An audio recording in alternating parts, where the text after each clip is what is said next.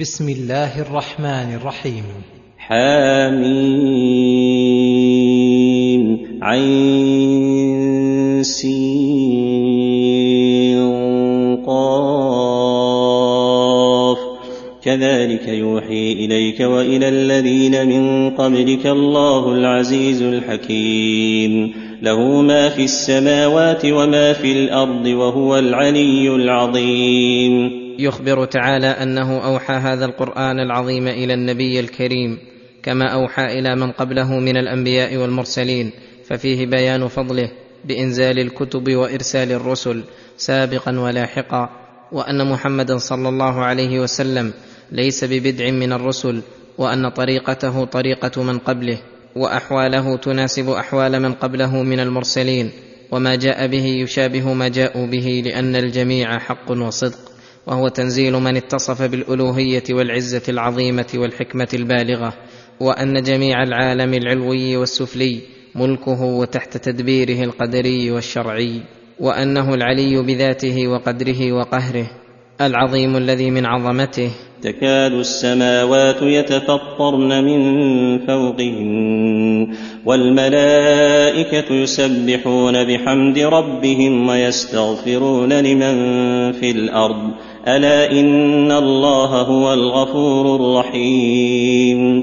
تكاد السماوات يتفطرن من فوقهن على عظمها وكونها جمادا والملائكة الكرام المقربون خاضعون لعظمته مستكينون لعزته مذعنون بربوبيته يسبحون بحمد ربهم ويعظمونه عن كل نقص ويصفونه بكل كمال ويستغفرون لمن في الأرض عما يصدر منهم مما لا يليق بعظمة ربهم وكبريائه مع أنه تعالى هو الغفور الرحيم الذي لولا مغفرته ورحمته لعاجل الخلق بالعقوبة المستأصلة.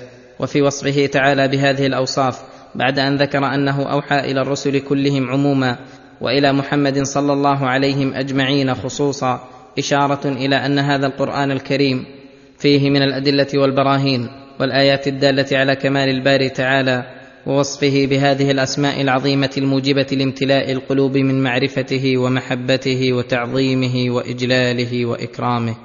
وصرف جميع أنواع العبودية الباطنة والظاهرة له تعالى. وأن من أكبر الظلم وأفحش القول اتخاذ أنداد لله من دونه. ليس بيدهم نفع ولا ضرر بل هم مخلوقون مفتقرون إلى الله في جميع أحوالهم. ولهذا عقبه بقوله والذين اتخذوا من دونه أولياء الله حفيظ عليهم وما أنت عليهم بوكيل. والذين اتخذوا من دونه أولياء يتولونهم بالعبادة والطاعة كما يعبدون الله ويطيعونه فإنما اتخذوا الباطل وليسوا بأولياء على الحقيقة. الله حفيظ عليهم يحفظ عليهم أعمالهم فيجازيهم بخيرها وشرها. وما أنت عليهم بوكيل. فتسأل عن أعمالهم وإنما أنت مبلغ أديت وظيفتك. ثم ذكر منته على رسوله وعلى الناس. وكذلك أوحينا إليك قرآنا عربيا لتنذر أم القرى ومن حولها وتنذر يوم الجمع لا ريب فيه فريق في الجنة وفريق في السعير. حيث أنزل الله قرآنا عربيا بين الألفاظ والمعاني لتنذر أم القرى وهي مكة المكرمة ومن حولها من قرى العرب ثم يسري هذا الإنذار إلى سائر الخلق وتنذر الناس يوم الجمع الذي يجمع الله به الأولين والآخرين وتخبرهم أنه لا ريب فيه وأن الخلق ينقسمون فيه فريقين. فريق في الجنة وفريق في السعير. فريق في الجنة وهم الذين آمنوا بالله وصدقوا المرسلين. وفريق في السعير. وهم أصناف الكفرة المكذبين. ولو شاء الله لجعلهم أمة واحدة ولكن يدخل من يشاء في رحمته والظالمون ما لهم من ولي ولا نصير. ومع هذا لو شاء الله لجعل الناس أمة واحدة على الهدى لأنه القادر الذي لا يمتنع عليه شيء ولكنه أراد أن يدخل في رحمته من شاء من خواص خلقه.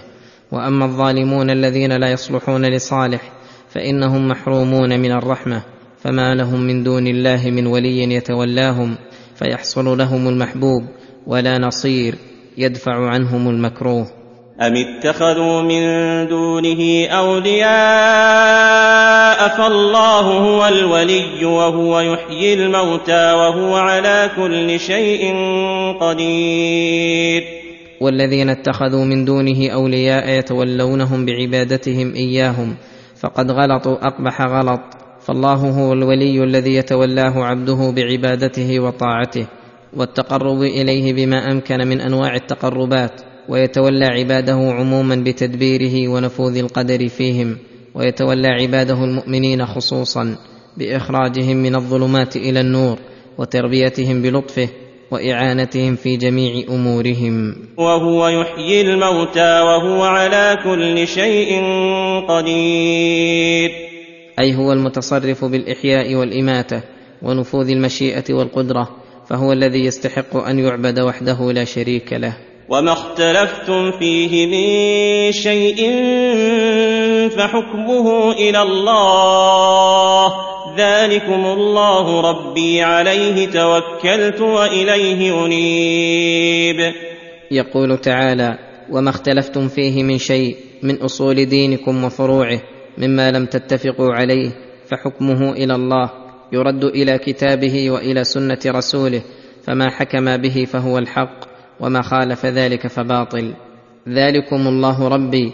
أي فكما أنه تعالى الرب الخالق الرازق المدبر فهو تعالى الحاكم بين عباده بشرعه في جميع أمورهم. ومفهوم الآية الكريمة أن اتفاق الأمة حجة قاطعة لأن الله تعالى لم يأمرنا أن نرد إليه إلا ما اختلفنا فيه فما اتفقنا عليه يكفي اتفاق الأمة عليه لأنها معصومة عن الخطأ. ولا بد أن يكون اتفاقها موافقا لما في كتاب الله وسنة رسوله. وقوله ذلكم الله ربي عليه توكلت وإليه أنيب. أي اعتمدت بقلبي عليه في جلب المنافع ودفع المضار واثقا به تعالى في الإسعاف بذلك وإليه أنيب أي أتوجه بقلبي وبدني إليه وإلى طاعته وعبادته. وهذان الأصلان.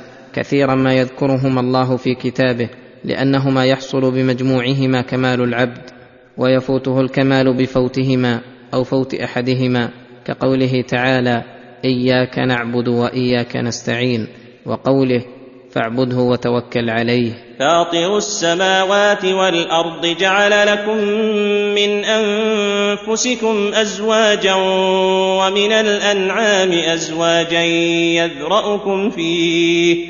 ليس كمثله شيء وهو السميع البصير.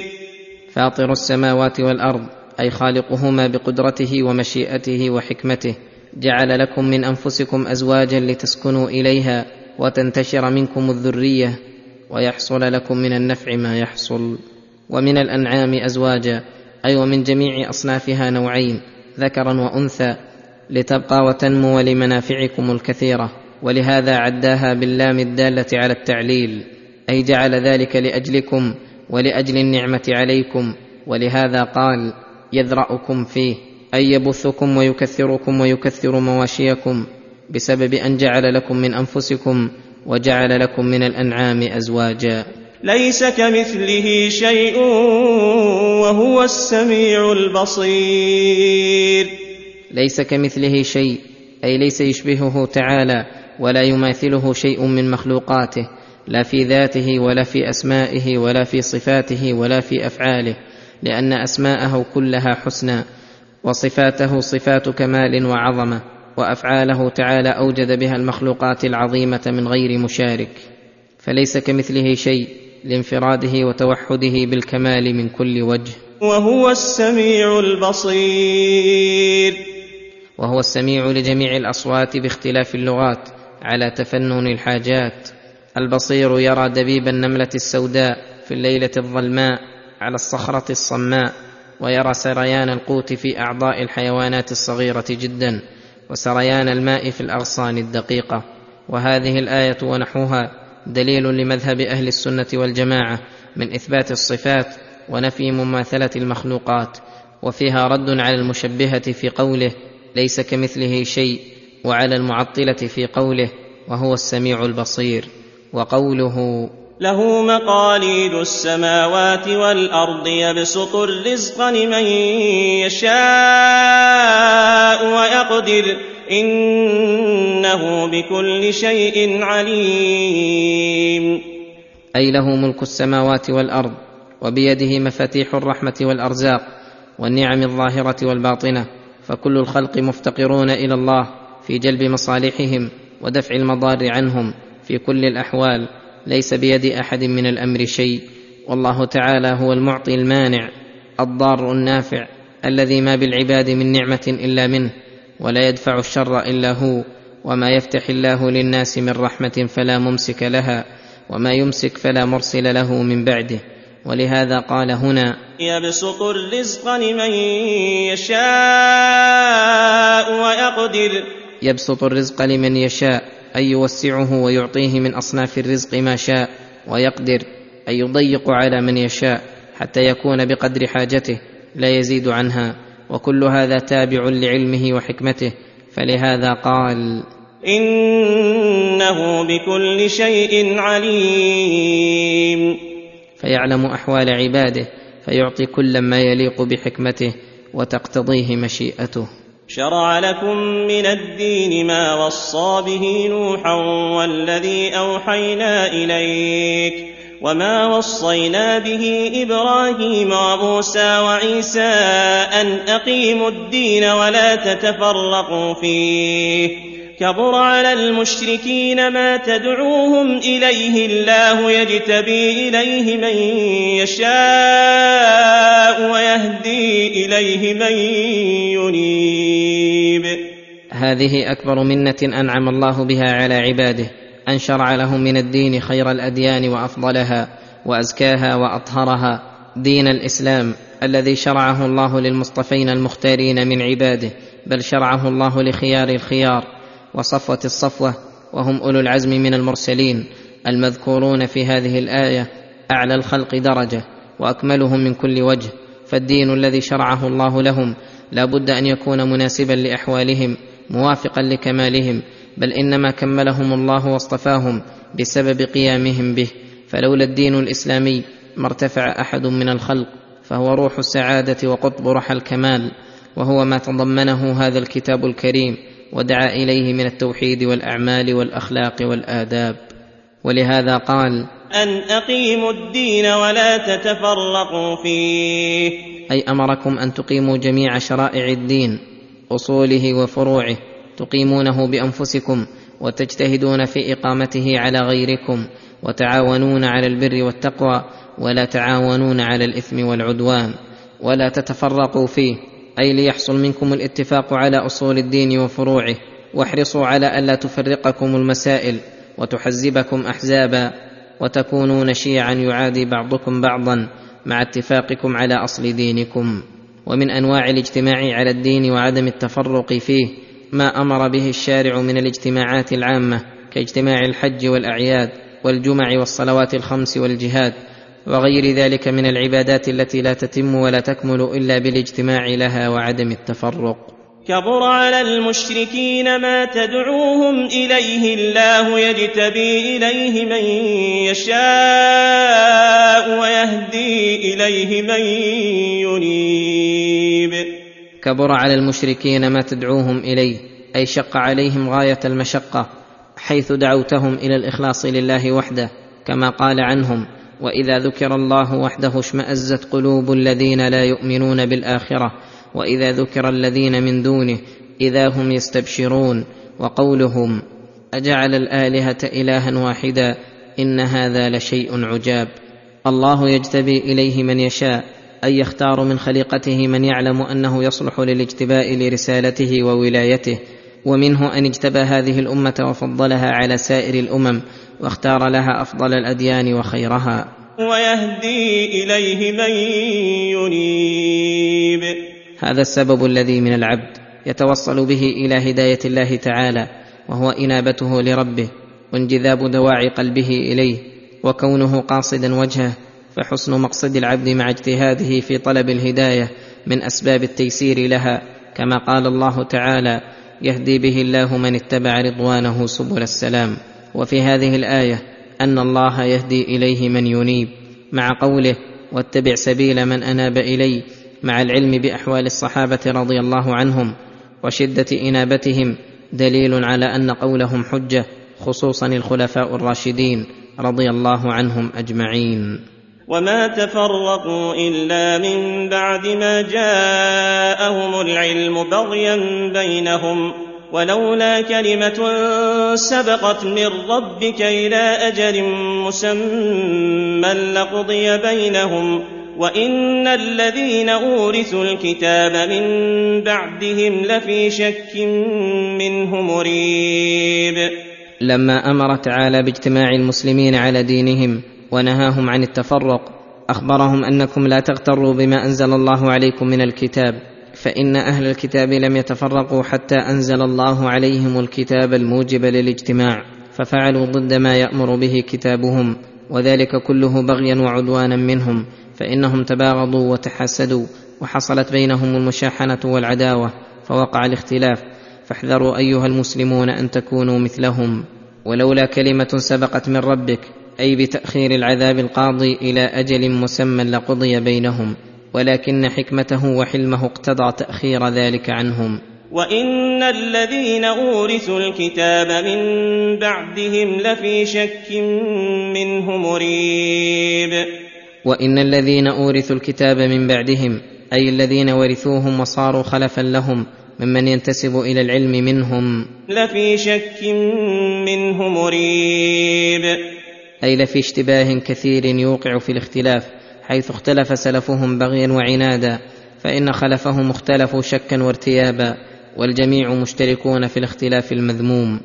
فلذلك فادع واستقم كما أمرت ولا تتبع أهواءهم وقل آمنت بما أنزل الله من كتاب وأمرت لأعدل بينكم الله ربنا وربكم الله ربنا وربكم لنا أعمالنا ولكم أعمالكم لا حجة بيننا وبينكم الله يجمع بيننا وإليه المصير. فلذلك فادعوا أي فللدين القويم والصراط المستقيم الذي أنزل الله به كتبه وأرسل رسله فادع إليه أمتك وحضهم عليه وجاهد عليه من لم يقبله واستقم بنفسك كما أمرت. أي استقامة موافقة لأمر الله لا تفريط ولا إفراط بل امتثالا لأوامر الله واجتنابا لنواهيه على وجه الاستمرار على ذلك فأمره بتكميل نفسه بلزوم الاستقامة وبتكميل غيره بالدعوة إلى ذلك. ومن المعلوم أن أمر الرسول صلى الله عليه وسلم أمر لأمته إذا لم يرد تخصيص له. ولا تتبع أهواءهم. أي أهواء المنحرفين عن الدين. من الكفرة والمنافقين إما باتباعهم على بعض دينهم أو بترك الدعوة إلى الله أو بترك الاستقامة. فإنك إن اتبعت أهواءهم من بعد ما جاءك من العلم إنك اذا لمن الظالمين. ولم يقل ولا تتبع دينهم لأن حقيقة دينهم الذي شرعه الله لهم هو دين الرسل كلهم ولكنهم لم يتبعوه بل اتبعوا أهواءهم واتخذوا دينهم لهوا ولعبا. وقل لهم عند جدالهم ومناظرتهم.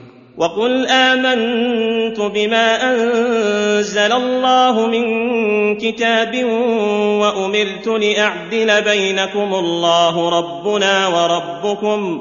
آمنت بما أنزل الله من كتاب أي لتكن مناظرتك لهم مبنية على هذا الأصل العظيم الدال على شرف الإسلام وجلالته وهيمنته على سائر الأديان وأن الدين الذي يزعم أهل الكتاب أنهم عليه جزء من الإسلام. وفي هذا إرشاد إلى أن أهل الكتاب إن ناظروا مناظرة مبنية على الإيمان ببعض الكتب أو ببعض الرسل دون غيره فلا يسلم لهم ذلك لأن الكتاب الذي يدعون إليه والرسول الذي ينتسبون إليه من شرطه أن يكون مصدقا بهذا القرآن وبمن جاء به فكتابنا ورسولنا لم يأمرنا إلا بالإيمان بموسى وعيسى والتوراة والإنجيل التي أخبر بها وصدق بها. وأخبر أنها مصدقة له ومقرة بصحته. وأما مجرد التوراة والإنجيل وموسى وعيسى الذين لم يوصفوا لنا ولم يوافقوا لكتابنا فلم يأمرنا بالإيمان بهم. وأمرت لأعدل بينكم أي في الحكم فيما اختلفتم فيه فلا تمنعني عداوتكم وبغضكم يا أهل الكتاب من العدل بينكم ومن العدل في الحكم بين أهل الأقوال المختلفة من أهل الكتاب وغيرهم أن يقبل ما معهم من الحق ويرد ما معهم من الباطل. الله ربنا وربكم لنا أعمالنا ولكم أعمالكم لا حجة بيننا وبينكم. الله يجمع بيننا. الله ربنا وربكم أي هو رب الجميع لستم بأحق به منا. لنا أعمالنا ولكم أعمالكم من خير وشر لا حجة بيننا وبينكم. أي بعدما تبينت الحقائق واتضح الحق من الباطل والهدى من الضلال لم يبق للجدال والمنازعة محل لأن المقصود من الجدال إنما هو بيان الحق من الباطل ليهتدي الراشد ولتقوم الحجة على الغاوي.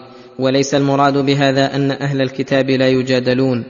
كيف والله يقول ولا تجادلوا أهل الكتاب إلا بالتي هي أحسن وإن المراد ما ذكرنا. لا حجة بيننا وبينكم الله يجمع بيننا وإليه المصير. الله يجمع بيننا وإليه المصير يوم القيامة فيجزي كلا بعمله ويتبين حينئذ الصادق من الكاذب. والذين يحاجون في الله من بعد ما استجيب له حجتهم داحضة عند ربهم وعليهم غضب ولهم عذاب شديد. وهذا تقرير لقوله لا حجة بيننا وبينكم فأخبر هنا أن الذين يحاجون في الله بالحجج الباطلة والشبه المتناقضة من بعد ما استجيب له أي من بعد ما استجاب لله أولو الألباب والعقول لما بين لهم من الآيات القاطعة والبراهين الساطعة فهؤلاء المجادلون للحق من بعد ما تبين حجتهم داحضة أي باطلة مدفوعة عند ربهم لأنها مشتملة على رد الحق وكل ما خالف الحق فهو باطل. وعليهم غضب لعصيانهم وإعراضهم عن حجج الله وبيناته وتكذيبها. ولهم عذاب شديد. هو أثر غضب الله عليهم فهذه عقوبة كل مجادل للحق بالباطل. الله الذي أنزل الكتاب بالحق والميزان وما يدريك لعل الساعة قريب. لما ذكر تعالى أن حججه واضحة بينة حيث استجاب لها كل من فيه خير ذكر أصلها وقاعدتها بل جميع الحجج التي أوصلها إلى العباد فقال الله الذي أنزل الكتاب بالحق والميزان فالكتاب هو هذا القرآن العظيم نزل بالحق واشتمل على الحق والصدق واليقين وكله آيات بينات وأدلة واضحات على جميع المطالب الإلهية والعقائد الدينية فجاء بأحسن المسائل وأوضح الدلائل وأما الميزان فهو العدل والاعتبار بالقياس الصحيح والعقل الرجيح فكل الدلائل العقلية من الآيات الآفاقية والنفسية والاعتبارات الشرعية والمناسبات والعلل والأحكام والحكم داخلة في الميزان الذي أنزله الله تعالى ووضعه بين عباده ليزنوا به ما اشتبه من الأمور ويعرفوا به صدق ما أخبر به وأخبرت رسله. فما خرج عن هذين الأمرين عن الكتاب والميزان مما قيل إنه حجة أو برهان أو دليل أو نحو ذلك من العبارات فإنه باطل متناقض. قد فسدت أصوله وانهدمت مبانيه وفروعه يعرف ذلك من خبر المسائل ومآخذها وعرف التمييز بين راجح الأدلة من مرجوحها والفرق بين الحجج والشبه وأما من اغتر بالعبارات المزخرفة والألفاظ المموهة ولم تنفذ بصيرته إلى المعنى المراد فإنه ليس من أهل هذا الشأن ولا من فرسان هذا الميدان فوفاقه وخلافه سيان. ثم قال تعالى مخوفا للمستعجلين لقيام الساعة المنكرين لها فقال وما يدريك لعل الساعة قريب. أي ليس بمعلوم بعدها ولا متى تقوم فهي في كل وقت متوقع وقوعها مخوف وجبتها. يستعجل بها الذين لا يؤمنون بها. عنادا وتكذيبا وتعجيزا لربهم. والذين امنوا مشفقون منها ويعلمون انها الحق. والذين امنوا مشفقون منها أي خائفون. لإيمانهم بها وعلمهم بما تشتمل عليه من الجزاء بالأعمال وخوفهم لمعرفتهم بربهم ألا تكون أعمالهم منجية لهم ولا مسعده ولهذا قال ويعلمون أنها الحق الذي لا مرية فيه ولا شك يعتريه. ألا إن الذين يمارون في الساعة لفي ضلال بعيد. أي بعدما امتروا فيها ماروا الرسل وأتباعهم بإثباتها. فهم في شقاق بعيد أي معاندة ومخاصمة غير قريبة من الصواب بل في غاية البعد عن الحق وأي بعد أبعد ممن كذب بالدار التي هي الدار على الحقيقة وهي الدار التي خلقت للبقاء الدائم والخلود السرمد وهي دار الجزاء التي يظهر الله فيها عدله وفضله وإنما هذه الدار بالنسبة إليها كراكب قال في ظل شجرة ثم راح وتركها وهي دار عبور وممر لا محل استقرار فصدقوا بالدار المضمحله الفانية حيث رأوها وشاهدوها وكذبوا بالدار الآخرة التي تواترت بالإخبار عنها الكتب الإلهية والرسل الكرام وأتباعهم الذين هم أكمل الخلق عقولا وأغزرهم علما وأعظمهم فطنة وفهما. الله لطيف بعباده يرزق من يشاء وهو القوي العزيز. يخبر تعالى بلطفه بعباده ليعرفوه ويحبوه ويتعرضوا للطفه وكرمه واللطف من أوصافه تعالى معناه الذي يدرك الضمائر والسرائر الذي يوصل عباده وخصوصا المؤمنين إلى ما فيه الخير لهم من حيث لا يعلمون ولا يحتسبون.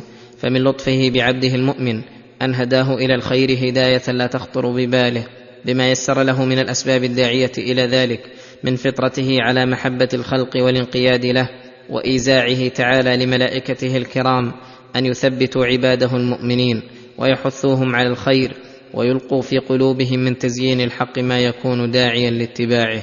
ومن لطفه أن أمر المؤمنين بالعبادات الاجتماعية التي بها تقوى عزائمهم وتنبعث هممهم ويحصل منهم التنافس على الخير والرغبة فيه واقتداء بعضهم ببعض. ومن لطفه أن قيض لعبده كل سبب يعوقه ويحول بينه وبين المعاصي حتى إنه تعالى إذا علم أن الدنيا والمال والرياسة ونحوها مما يتنافس فيه أهل الدنيا تقطع عبده عن طاعته أو تحمله على الغفلة عنه أو على معصية صرفها عنه وقدر عليه رزقه. ولهذا قال هنا يرزق من يشاء بحسب اقتضاء حكمته ولطفه. وهو القوي العزيز. الذي له القوة كلها فلا حول ولا قوة لأحد من المخلوقين إلا به الذي دانت له جميع الأشياء. ثم قال تعالى من كان يريد حرث الآخرة نزد له في حرثه. من كان يريد حرث الآخرة أي أجرها وثوابها فآمن بها وصدق وسعى لها سعيها نزد له في حرثه بأن نضاعف عمله وجزاءه اضعافا كثيرة. كما قال تعالى ومن أراد الآخرة وسعى لها سعيها وهو مؤمن فأولئك كان سعيهم مشكورا. ومع ذلك فنصيبه من الدنيا لا بد أن يأتيه. ومن كان يريد حرث الدنيا نؤته منها وما له في الآخرة من نصيب. ومن كان يريد حرث الدنيا بأن كانت الدنيا هي مقصوده وغاية مطلوبه فلم يقدم لآخرته ولا رجا ثوابها ولم يخش عقابها. نؤته منها نصيبه الذي قسم له. وما له في الآخرة من نصيب. قد حرم الجنة ونعيمها واستحق النار وجحيمها. وهذه الآية شبيهة بقوله تعالى من كان يريد الحياة الدنيا وزينتها نوفي إليهم أعمالهم فيها وهم فيها لا يبخسون. إلى آخر الآيات. أم لهم شركاء شرعوا لهم من الدين ما لم يأذن به الله ولولا كلمة الفصل لقضي بينهم وإن الظالمين لهم عذاب أليم. يخبر تعالى أن المشركين اتخذوا شركاء يوالونهم ويشتركونهم وإياهم في الكفر وأعماله من شياطين الإنس الدعاة إلى الكفر. شرعوا لهم من الدين ما لم يأذن به الله من الشرك والبدع وتحريم ما أحل الله وتحليل ما حرم الله ونحو ذلك مما اقتضت أهواؤهم مع أن الدين لا يكون إلا ما شرعه الله تعالى ليدين به العباد ويتقربوا به إليه. فالأصل الحجر على كل أحد أن يشرع شيئا ما جاء عن الله وعن رسوله فكيف بهؤلاء الفسقة المشتركين هم وآباؤهم على الكفر؟ ولولا كلمة الفصل لقضي بينهم. أي لولا الأجل المسمى الذي ضربه الله فاصلا بين الطوائف المختلفة وأنه سيؤخرهم إليه لقضي بينهم في الوقت الحاضر بسعادة المحق وإهلاك المبطل لأن المقتضي للإهلاك موجود ولكن أمامهم العذاب الأليم في الآخرة هؤلاء وكل ظالم. وفي ذلك اليوم. ترى الظالمين مشفقين مما كسبوا وهو واقع بهم. والذين آمنوا وعملوا الصالحات في روضات الجنات. ترى الظالمين أنفسهم بالكفر والمعاصي مشفقين أي خائفين وجلين مما كسبوا أن يعاقبوا عليه. ولما كان الخائف قد يقع به ما أشفق منه وخافه وقد لا يقع أخبر أنهم واقع بهم العقاب الذي خافوه لأنهم أتوا بالسبب التام الموجب للعقاب من غير معارض من توبة ولا غيرها ووصلوا موضعا فات فيه الإنظار والإمهال. والذين آمنوا وعملوا الصالحات في روضات الجنات والذين آمنوا بقلوبهم بالله وبكتبه ورسله وما جاءوا به وعملوا الصالحات يشمل كل عمل صالح من أعمال القلوب وأعمال الجوارح من الواجبات والمستحبات فهؤلاء في روضات الجنات أي الروضات المضافة إلى الجنات والمضاف يكون بحسب المضاف إليه فلا تسأل عن بهجة تلك الرياض المونقة وما فيها من الأنهار المتدفقة والفياض المعشبة والمناظر الحسنة. والأشجار المثمرة والطيور المغردة والأصوات الشجية المطربة والاجتماع بكل حبيب والأخذ من المعاشرة والمنادمة بأكمل نصيب. رياض لا تزداد على طول المدى إلا حسنا وبهاء ولا يزداد أهلها إلا اشتياقا إلى لذاتها وودادا.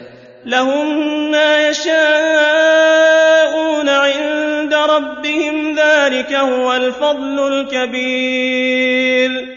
لهم ما يشاءون فيها أي في الجنات فمهما أرادوا فهو حاصل ومهما طلبوا حصل مما لا عين رأت ولا أذن سمعت ولا خطر على قلب بشر. ذلك هو الفضل الكبير. وهل فوز أكبر من الفوز برضا الله تعالى والتنعم بقربه في دار كرامته؟ ذلك الذي يبشر الله عباده الذين آمنوا وعملوا الصالحات.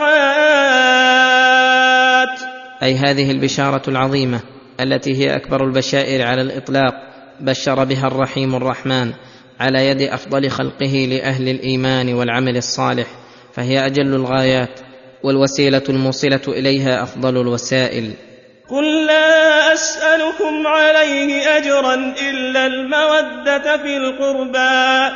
قل لا اسالكم عليه أي على تبليغ إياكم هذا القرآن ودعوتكم إلى أحكامه أجرا. فلست أريد أخذ أموالكم ولا التولي عليكم والترأس ولا غير ذلك من الأغراض إلا المودة في القربى. يحتمل أن المراد لا أسألكم عليه أجرا إلا أجرا واحدا هو لكم. وعائد نفعه إليكم وهو أن تودوني وتحبوني في القرابة أي لأجل القرابة ويكون على هذا المودة الزائدة على مودة الإيمان فإن مودة الإيمان بالرسول وتقديم محبته على جميع المحاب بعد محبة الله فرض على كل مسلم وهؤلاء طلب منهم زيادة على ذلك أن يحبوه لأجل القرابة لأنه صلى الله عليه وسلم قد باشر بدعوته أقرب الناس إليه. حتى إنه قيل إنه ليس في بطون قريش أحد إلا ولرسول الله صلى الله عليه وسلم فيه قرابة ويحتمل أن المراد إلا مودة الله تعالى الصادقة وهي التي يصحبها التقرب إلى الله والتوسل بطاعته الدالة على صحتها وصدقها ولهذا قال إلا المودة في القربى أي في التقرب إلى الله وعلى كلا القولين. فهذا الاستثناء دليل على أنه لا يسألهم عليه أجرا بالكلية إلا أن يكون شيئا يعود نفعه إليهم فهذا ليس من الأجر في شيء بل هو من الأجر منه لهم صلى الله عليه وسلم كقوله تعالى وما نقموا منهم إلا أن يؤمنوا بالله العزيز الحميد وقولهم ما لفلان ذنب عندك إلا أنه محسن إليك ومن يقترف حسنة نزد له فيها حسنا إن الله غفور شكور. ومن يقترف حسنة من صلاة أو صوم أو حج أو إحسان إلى الخلق نزد له فيها حسنا بأن يشرح الله صدره وييسر أمره وتكون سببا للتوفيق لعمل آخر ويزداد بها عمل المؤمن ويرتفع عند الله وعند خلقه ويحصل له الثواب العاجل والآجل. إن الله غفور شكور. يغفر الذنوب العظيمة ولو بلغت ما بلغت عند التوبة منها ويشكر على العمل القليل بالأجر الكثير فبمغفرته يغفر الذنوب ويستر العيوب وبشكره يتقبل الحسنات ويضاعفها اضعافا كثيرة. أم يقولون افترى على الله كذبا فإن يشاء الله يختم على قلبك ويمحو الله الباطل ويحق الحق بكلماته إنه عليم بذات الصدور يعني ام يقول المكذبون للرسول صلى الله عليه وسلم جراه منهم وكذبا افترى على الله كذبا فرموك باشنع الأمور وأقبحها وهو الافتراء على الله بادعاء النبوة والنسبة إلى الله ما هو بريء منه. وهم يعلمون صدقك وأمانتك فكيف يتجرؤون على هذا الكذب الصراح؟ بل تجرؤوا بذلك على الله تعالى فإنه قدح في الله حيث مكنك من هذه الدعوة العظيمة المتضمنة على موجب زعمهم أكبر الفساد في الأرض حيث مكنه الله من التصريح بالدعوة ثم بنسبتها إليه. ثم يؤيده بالمعجزات الظاهرات والأدلة القاهرات والنصر المبين والاستيلاء على من خالفه وهو تعالى قادر على حسم هذه الدعوة من أصلها ومادتها وهو أن يختم على قلب الرسول صلى الله عليه وسلم فلا يعي شيئا ولا يدخل إليه خير وإذا ختم على قلبه انحسم الأمر كله وانقطع فهذا دليل قاطع على صحة ما جاء به الرسول وأقوى شهادة من الله له على ما قال ولا يوجد شهادة أعظم منها ولا أكبر. ولهذا من حكمته ورحمته وسنته الجارية أن يمحو الباطل ويزيله وإن كان له صولة في بعض الأوقات فإن عاقبته الإضمحلال. ويحق الحق بكلماته الكونية التي لا تغير ولا تبدل ووعده الصادق وكلماته الدينية التي تحقق ما شرعه من الحق. وتثبته في القلوب وتبصر أولي الألباب حتى إن من جملة إحقاقه تعالى الحق أن يقيض له الباطل ليقاومه. فإذا قاومه صال عليه الحق ببراهينه وبيناته. فظهر من نوره وهداه ما به يضمحل الباطل وينقمع ويتبين بطلانه لكل أحد ويظهر الحق كل الظهور لكل أحد. إنه عليم بذات الصدور. أي بما فيها وما اتصفت به من خير وشر وما أكنته ولم تبده.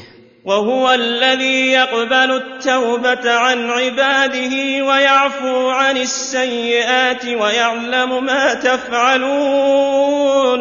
هذا بيان لكمال كرم الله تعالى وسعة جوده وتمام لطفه بقبول التوبة الصادرة من عباده حين يقلعون عن ذنوبهم ويندمون عليها. ويعزمون على الا يعاودوها إذا قصدوا بذلك وجه ربهم. فإن الله يقبلها بعدما انعقدت سببا للهلاك ووقوع العقوبات الدنيوية والدينية ويعفو عن السيئات ويمحوها ويمحو أثرها من العيوب وما اقتضته من العقوبات ويعود التائب عنده كريما كأنه ما عمل سوءا قط ويحبه ويوفقه لما يقربه إليه. ولما كانت التوبة من الأعمال العظيمة التي قد تكون كاملة بسبب تمام الإخلاص والصدق فيها وقد تكون ناقصة عند نقصهما وقد تكون فاسدة إذا كان القصد منها بلوغ غرض من الأغراض الدنيوية. وكان محل ذلك القلب الذي لا يعلمه إلا الله ختم هذه الآية بقوله ويعلم ما تفعلون. فالله تعالى دعا جميع العباد إلى الإنابة إليه والتوبة من التقصير. فانقسموا بحسب الاستجابة له إلى قسمين مستجيبين ووصفهم بقوله ويستجيب الذين آمنوا وعملوا الصالحات ويزيدهم من فضله والكافرون لهم عذاب شديد. ويستجيب الذين آمنوا وعملوا الصالحات أي يستجيبون لربهم لما دعاهم إليه وينقادون له ويلبون دعوته لأن ما معهم من الإيمان والعمل الصالح يحملهم على ذلك. فإذا استجابوا له شكر الله لهم وهو الغفور الشكور. وزادهم من فضله توفيقا ونشاطا على العمل. وزادهم مضاعفة في الأجر زيادة عما تستحقه أعمالهم من الثواب والفوز العظيم. وأما غير المستجيبين لله وهم المعاندون الذين كفروا به وبرسله فلهم عذاب شديد في الدنيا والآخرة. ثم ذكر أن من لطفه بعباده أنه لا يوسع عليهم الدنيا سعة تضر بأديانهم فقال ولو بسط الله الرزق لعباده لبغوا في الأرض ولكن ينزل بقدر ما يشاء إنه بعباده خبير بصير. ولو بسط الله الرزق لعباده لبغوا في الأرض أي لغفلوا عن طاعة الله وأقبلوا على التمتع بشهوات الدنيا فأوجبت لهم الإكباب على ما تشتهيه نفوسهم ولو كان معصية وظلما. ولكن ينزل بقدر ما يشاء إنه بعباده خبير بصير. ولكن ينزل بقدر ما يشاء بحسب ما اقتضاه لطفه وحكمته. إنه بعباده خبير بصير. كما في بعض الآثار أن الله تعالى يقول إن من عبادي من لا يصلح إيمانه إلى الغنى ولو أفقرته لأفسده ذلك. وإن من عبادي من لا يصلح إيمانه إلا الفقر ولو أغنيته لأفسده ذلك. وإن من عبادي من لا يصلح إيمانه إلا الصحة ولو أمرضته لأفسده ذلك. وإن من عبادي من لا يصلح إيمانه إلا المرض ولو عافيته لأفسده ذلك. إني أدبر أمر عبادي بعلمي بما في قلوبهم. إني خبير بصير. وهو الذي ينزل الغيث من بعد ما قنطوا وينشر رحمته وهو الولي الحميد. وهو الذي ينزل الغيث أي المطر الغزير. الذي به يغيث البلاد والعباد من بعد ما قنطوا وانقطع عنهم مدة ظنوا أنه لا يأتيهم وأيسوا وعملوا لذلك الجدب أعمالا فينزل الله الغيث وينشر به رحمته من إخراج الأقوات للآدميين وبهائمهم فيقع عندهم موقعا عظيما ويستبشرون بذلك ويفرحون وهو الولي الحميد. وهو الولي الذي يتولى عباده بأنواع التدبير ويتولى القيام بمصالح دينهم ودنياهم. الحميد في ولايته وتدبيره الحميد على ما له من الكمال وما أوصله إلى خلقه من أنواع الإفضال. ومن آياته خلق السماوات والأرض وما بث فيهما من دابة. وهو على جمعهم إذا يشاء قدير. أي أيوة ومن أدلة قدرته العظيمة وأنه سيحيي الموتى بعد موتهم خلق هذه السماوات والأرض على عظمهما وسعتهما الدال على قدرته وسعة سلطانه وما فيهما من الإتقان والإحكام دال على حكمته وما فيهما من المنافع والمصالح دال على رحمته وذلك يدل على أنه المستحق لأنواع العبادة كلها وأن إلهية ما سواه باطلة وما بث فيهما أي نشر في السماوات والأرض من أصناف الدواب التي جعلها الله مصالح ومنافع لعباده. وهو على جمعهم إذا يشاء قدير. وهو على جمعهم أي جمع الخلق بعد موتهم لموقف القيامة. إذا يشاء قدير. فقدرته ومشيئته صالحان لذلك ويتوقف وقوعه على وجود الخبر الصادق. وقد علم أنه قد تواترت أخبار المرسلين وكتبهم بوقوعه.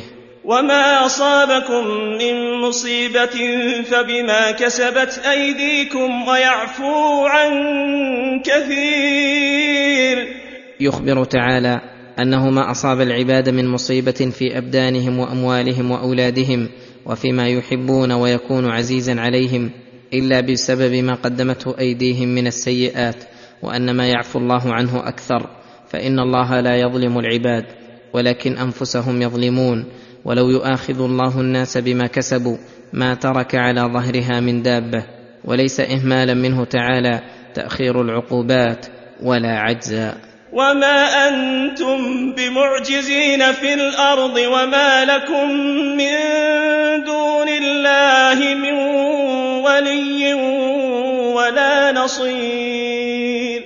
وما أنتم بمعجزين في الأرض أي معجزين قدرة الله عليكم بل أنتم عاجزون في الأرض.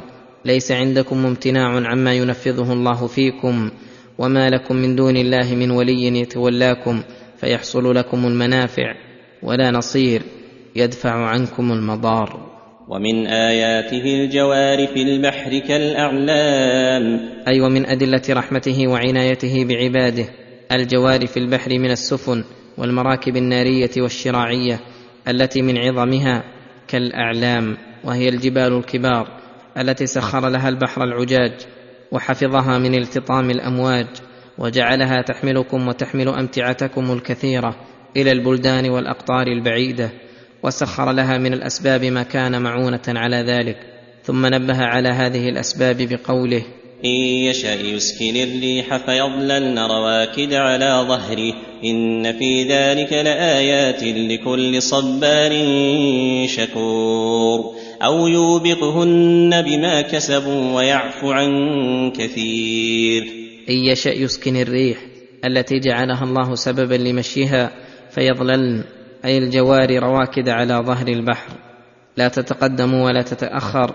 ولا ينتقض هذا بالمراكب النارية فإن من شرط مشيها وجود الريح. وإن شاء الله تعالى أوبق الجوار بما كسب أهلها أي أغرقها في البحر وأتلفها ولكنه يحلم ويعفو عن كثير. إن في ذلك لآيات لكل صبار شكور. أي كثير الصبر على ما تكرهه نفسه ويشق عليها فيكرهها عليه من مشقة طاعة أو ردع داع إلى معصية أو ردع نفسه عند المصائب عن التسخط. شكور في الرخاء وعند النعم يعترف بنعمة ربه ويخضع له ويصرفها في مرضاته. فهذا الذي ينتفع بآيات الله. وأما الذي لا صبر عنده ولا شكر له على نعم الله فإنه معرض أو معاند لا ينتفع بالآيات. ثم قال تعالى ويعلم الذين يجادلون في آياتنا ما لهم من محيص. ويعلم الذين يجادلون في آياتنا ليبطلوها بباطلهم. ما لهم من محيص. أي لا ينقذهم منقذ مما حل بهم من العقوبة. فما أوتيتم من شيء فمتاع الحياة الدنيا وما عند الله خير وأبقى للذين آمنوا وعلى ربهم يتوكلون. هذا تزهيد في الدنيا وترغيب في الآخرة وذكر الأعمال الموصلة إليها فقال فما أوتيتم من شيء من ملك ورياسة وأموال وبنين وصحة وعافية بدنية فمتاع الحياة الدنيا لذة منغصة منقطعة وما عند الله من الثواب الجزيل والأجر الجليل والنعيم المقيم خير من لذات الدنيا خيرية لا نسبة بينهما وأبقى. لأنه نعيم لا منغص فيه ولا كدر ولا انتقال. ثم ذكر لمن هذا الثواب فقال وما عند الله خير وابقى للذين امنوا وعلى ربهم يتوكلون. أي جمعوا بين الإيمان الصحيح المستلزم لأعمال الإيمان الظاهرة والباطنة وبين التوكل الذي هو الآلة لكل عمل فكل عمل لا يصحبه التوكل فغير تام.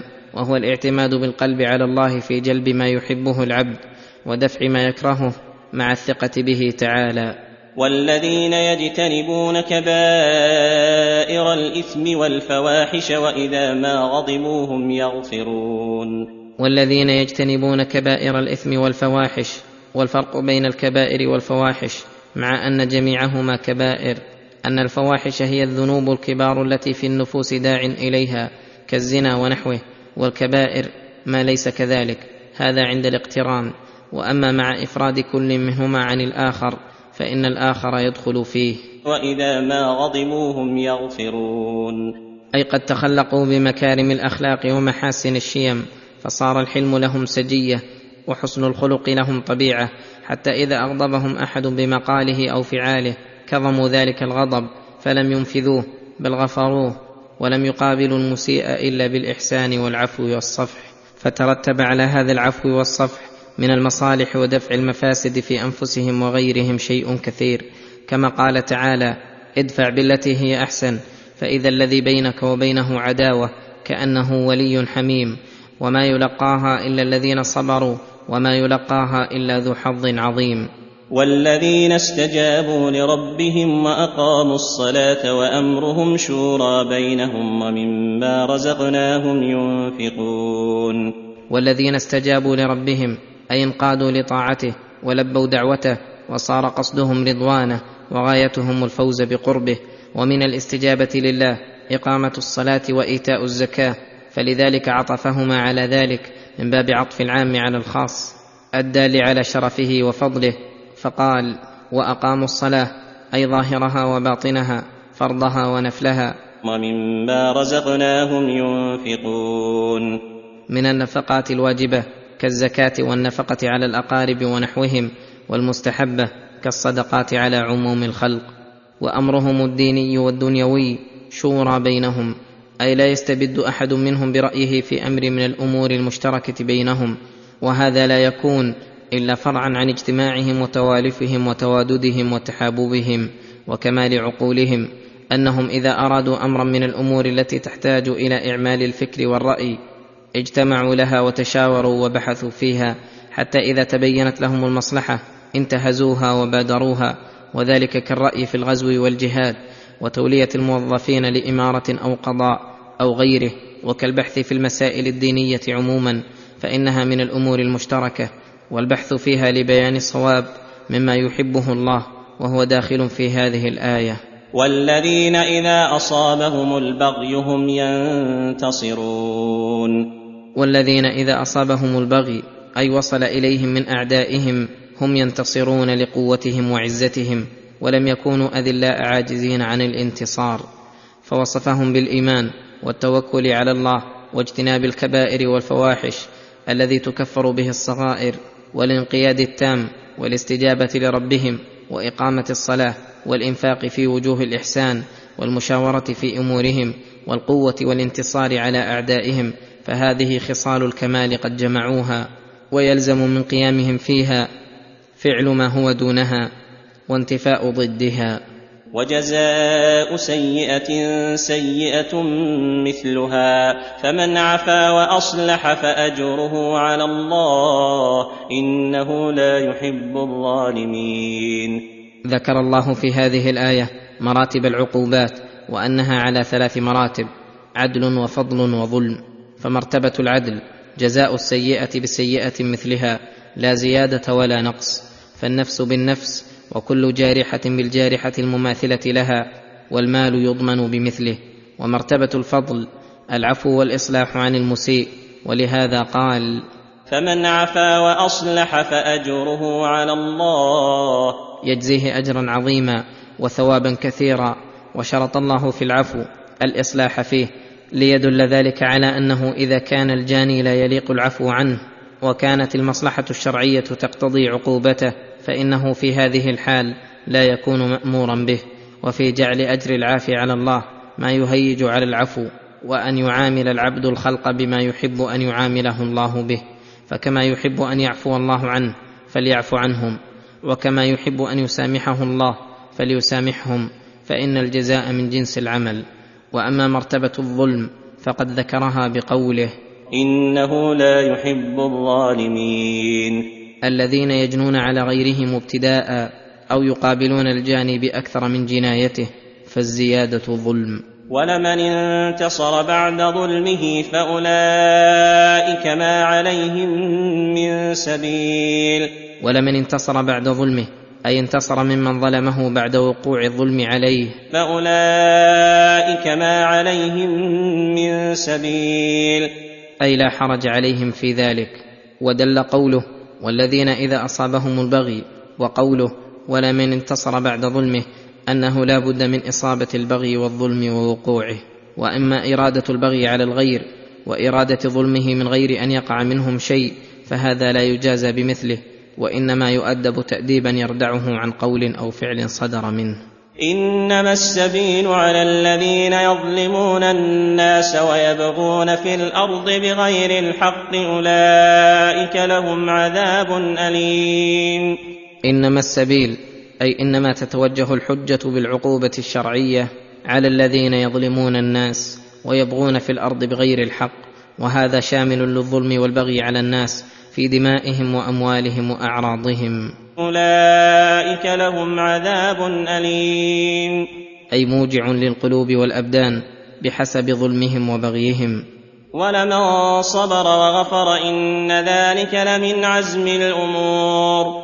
ولمن صبر على ما يناله من اذى الخلق وغفر لهم بان سمح لهم عما يصدر منهم. ان ذلك لمن عزم الأمور. أي لمن الأمور التي حث الله عليها واكدها وأخبر أنه لا يلقاها إلا أهل الصبر والحظوظ العظيمة ومن الأمور التي لا يوفق لها إلا أولو العزائم والهمم وذوي الألباب والبصائر فإن ترك الانتصار للنفس بالقول أو الفعل من أشق شيء عليها والصبر على الأذى والصفح عنه ومغفرته ومقابلته بالإحسان أشق وأشق ولكنه يسير على من يسره الله عليه وجاهد نفسه على الاتصاف به واستعان الله على ذلك ثم إذا ذاق العبد حلاوته ووجد آثاره تلقاه برحب الصدر وسعة الخلق والتلذذ فيه. ومن يضلل الله فما له من ولي من بعده وترى الظالمين لما رأوا العذاب يقولون هل إلى مرد من سبيل؟ يخبر تعالى أنه المنفرد بالهداية والإضلال وأنه من يضلل الله بسبب ظلمه فما له من ولي من بعده يتولى أمره ويهديه. وترى الظالمين لما رأوا العذاب مرا ومنظرا فظيعا صعبا شنيعا يظهرون الندم العظيم والحزن على ما سلف منهم. وترى الظالمين لما رأوا العذاب يقولون هل إلى مرد من سبيل؟ أي هل لنا طريق أو حيلة إلى رجوعنا إلى الدنيا؟ لنعمل غير الذي كنا نعمل وهذا طلب للأمر المحال الذي لا يمكن. وتراهم يعرضون عليها خاشعين من الذل ينظرون من طرف خفي. وتراهم يعرضون عليها أي على النار خاشعين من الذل أي ترى أجسامهم خاشعة للذل الذي في قلوبهم. ينظرون من طرف خفي أي ينظرون إلى النار مسارقة وشزرا. من هيبتها وخوفها. وقال الذين آمنوا إن الخاسرين الذين خسروا أنفسهم وأهليهم يوم القيامة ألا إن الظالمين في عذاب مقيم. وقال الذين آمنوا حين ظهرت عواقب الخلق وتبين أهل الصدق من غيرهم إن الخاسرين على الحقيقة الذين خسروا أنفسهم وأهليهم يوم القيامة. حيث فوتوا أنفسهم جزيل الثواب وحصلوا على أليم العقاب وفرق بينهم وبين أهليهم فلم يجتمعوا بهم آخر ما عليهم. ألا إن الظالمين في عذاب مقيم. ألا إن الظالمين أنفسهم بالكفر والمعاصي في عذاب مقيم. في سوائه ووسطه منغمرين لا يخرجون منه أبدا. ولا يفتر عنهم وهم فيه مبلسون. وما كان لهم من أولياء ينصرونهم من دون الله ومن يضلل الله فما له من سبيل. وما كان لهم من أولياء ينصرونهم من دون الله كما كانوا في الدنيا يمنون بذلك أنفسهم. ففي القيامة يتبين لهم ولغيرهم أن أسبابهم التي أملوها تقطعت وأنه حين جاءهم عذاب الله لم يدفع عنهم. ومن يضلل الله فما له من سبيل. فما له من سبيل تحصل به هدايته فهؤلاء ضلوا حيث زعموا في شركائهم النفع ودفع الضر فتبين حينئذ ضلالهم. استجيبوا لربكم من قبل أن يأتي يوم لا مرد له من الله ما لكم من ملجأ يومئذ وما لكم من نكير. يأمر تعالى عباده بالاستجابة له بامتثال ما أمر به واجتناب ما نهى عنه وبالمبادرة بذلك وعدم التسويف. من قبل أن يأتي يوم القيامة الذي إذا جاء لا يمكن رده واستدراك الفائت وليس للعبد في ذلك اليوم ملجأ يلجأ إليه فيفوت ربه ويهرب منه. بل قد أحاطت الملائكة بالخليقة من خلفهم ونودوا يا معشر الجن والإنس إن استطعتم أن تنفذوا من أقطار السماوات والأرض فانفذوا لا تنفذون إلا بسلطان. وليس للعبد في ذلك اليوم نكير لما اقترفه وأجرمه. بل لو أنكر لشهدت عليه جوارحه. وهذه الآية ونحوها فيها ذم الأمل والأمر بانتهاز الفرصة في كل عمل يعرض للعبد. فإن للتأخير آفات. فإن أعرضوا فما أرسلناك عليهم حفيظا. إن عليك إلا البلاغ.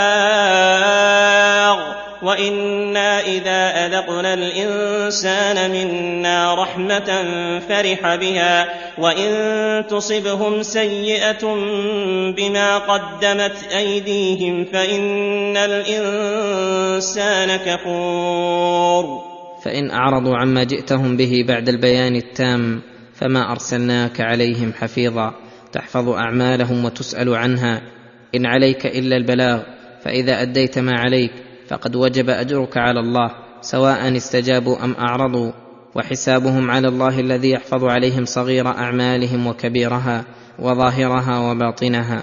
ثم ذكر تعالى حالة الإنسان وأنه إذا أذاقه الله رحمة من صحة بدن ورزق رغد وجاه ونحوه فرح بها أي فرح فرحا مقصورا عليها لا يتعداها ويلزم من ذلك طمأنينته بها وإعراضه عن المنعم. وان تصبهم سيئه بما قدمت ايديهم فان الانسان كفور وان تصبهم سيئه أي مرض أو فقر أو نحوهما بما قدمت أيديهم.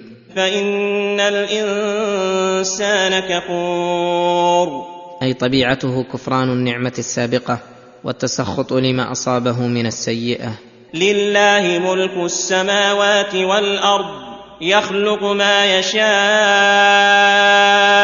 يهب لمن يشاء إناثا ويهب لمن يشاء الذكور أو يزوجهم ذكرانا وإناثا ويجعل من يشاء عقيما. إنه عليم قدير. هذه الآية فيها الإخبار عن سعة ملكه تعالى ونفوذ تصرفه في الملك في الخلق لما يشاء والتدبير لجميع الأمور حتى إن تدبيره تعالى من عمومه أنه يتناول المخلوقة عن الأسباب التي يباشرها العباد فإن النكاح من الأسباب لولادة الأولاد فالله تعالى هو الذي يعطيهم من الأولاد ما يشاء. فمن الخلق من يهب له إناثا ومنهم من يهب له ذكورا ومنهم من يزوجه أي يجمع له ذكورا وإناثا ومنهم من يجعله عقيما لا يولد له. إنه عليم قدير. إنه عليم بكل شيء قدير على كل شيء فيتصرف بعلمه وإتقانه الأشياء وبقدرته في مخلوقاته. وما كان لبشر ان يكلمه الله الا وحيا أو من وراء حجاب أو يرسل رسولا فيوحي باذنه ما يشاء انه علي حكيم. لما قال المكذبون لرسل الله الكافرون بالله لولا يكلمنا الله أو تاتينا إيه من كبرهم وتجبرهم رد الله عليهم بهذه الايه الكريمه وأن تكليمه تعالى لا يكون إلا لخواص خلقه للأنبياء والمرسلين وصفوته من العالمين وأنه يكون على أحد هذه الأوجه. إما أن يكلمه الله وحيا بأن يلقي الوحي في قلب الرسول من غير إرسال ملك ولا مخاطبة منه شفاها أو يكلمه منه شفاها لكن من وراء حجاب كما حصل لموسى بن عمران كليم الرحمن أو يكلمه الله بواسطة الرسول الملكي. فيرسل رسولا كجبريل أو غيره من الملائكة فيوحي بإذنه أي بإذن ربه لا بمجرد هواه. إنه تعالى علي الذات علي الأوصاف عظيمها علي الأفعال. قد قهر كل شيء ودانت له المخلوقات. حكيم في وضعه كل شيء في موضعه من المخلوقات والشرائع. وكذلك أوحينا إليك روحا من أمرنا ما كنت تدري ما الكتاب ولا الايمان ولكن جعلناه نورا نهدي به من نشاء من عبادنا وانك لتهدي إلى صراط مستقيم. وكذلك حين اوحينا إلى الرسل قبلك اوحينا اليك روحا من امرنا وهو هذا القران الكريم. سماه روحا لأن الروح يحيا به الجسد. والقرآن تحيا به القلوب والأرواح وتحيا به مصالح الدنيا والدين لما فيه من الخير الكثير والعلم الغزير. وهو محض منة الله على رسوله وعباده المؤمنين من غير سبب منهم. ولهذا قال ما كنت تدري ما الكتاب ولا الإيمان. ما كنت تدري أي قبل نزوله عليك ما الكتاب ولا الإيمان. أي ليس عندك علم بأخبار الكتب السابقة. ولا إيمان وعمل بالشرائع الإلهية بل كنت أميا لا تخط ولا تقرأ فجاءك هذا الكتاب الذي جعلناه نورا نهدي به من نشاء من عبادنا يستضيئون به في ظلمات الكفر والبدع والأهواء المرضية ويعرفون به الحقائق ويهتدون به إلى الصراط المستقيم.